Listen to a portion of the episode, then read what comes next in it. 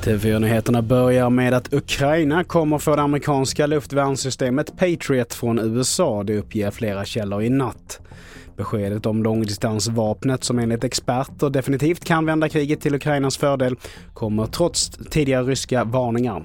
Pentagon vill inte bekräfta det här men så här säger pressekreterare Pat Ryder. Right now, um, again I don't have anything to announce but we're going to continue to uh, adapt. We're going to continue, uh, continue to stay flexible and we're going to continue to work with Ukraine to ensure they're getting what they need. Och vi fortsätter med att det spända säkerhetsläget i världen gör att det är hög efterfrågan på svenska vapen, det rapporterar Dagens Nyheter.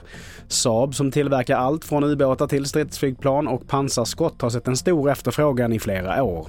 Och i länder som nu donerar vapen till Ukraina behöver man återställa sina lager snabbt.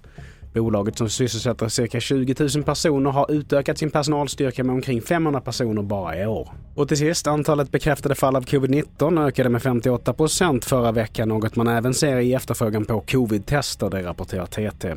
Vi ser en tydlig koppling mellan efterfrågan på antigentester och andel positiva testsvar, säger Elin Sundin som är kategoriansvarig på Apoteket i ett pressmeddelande.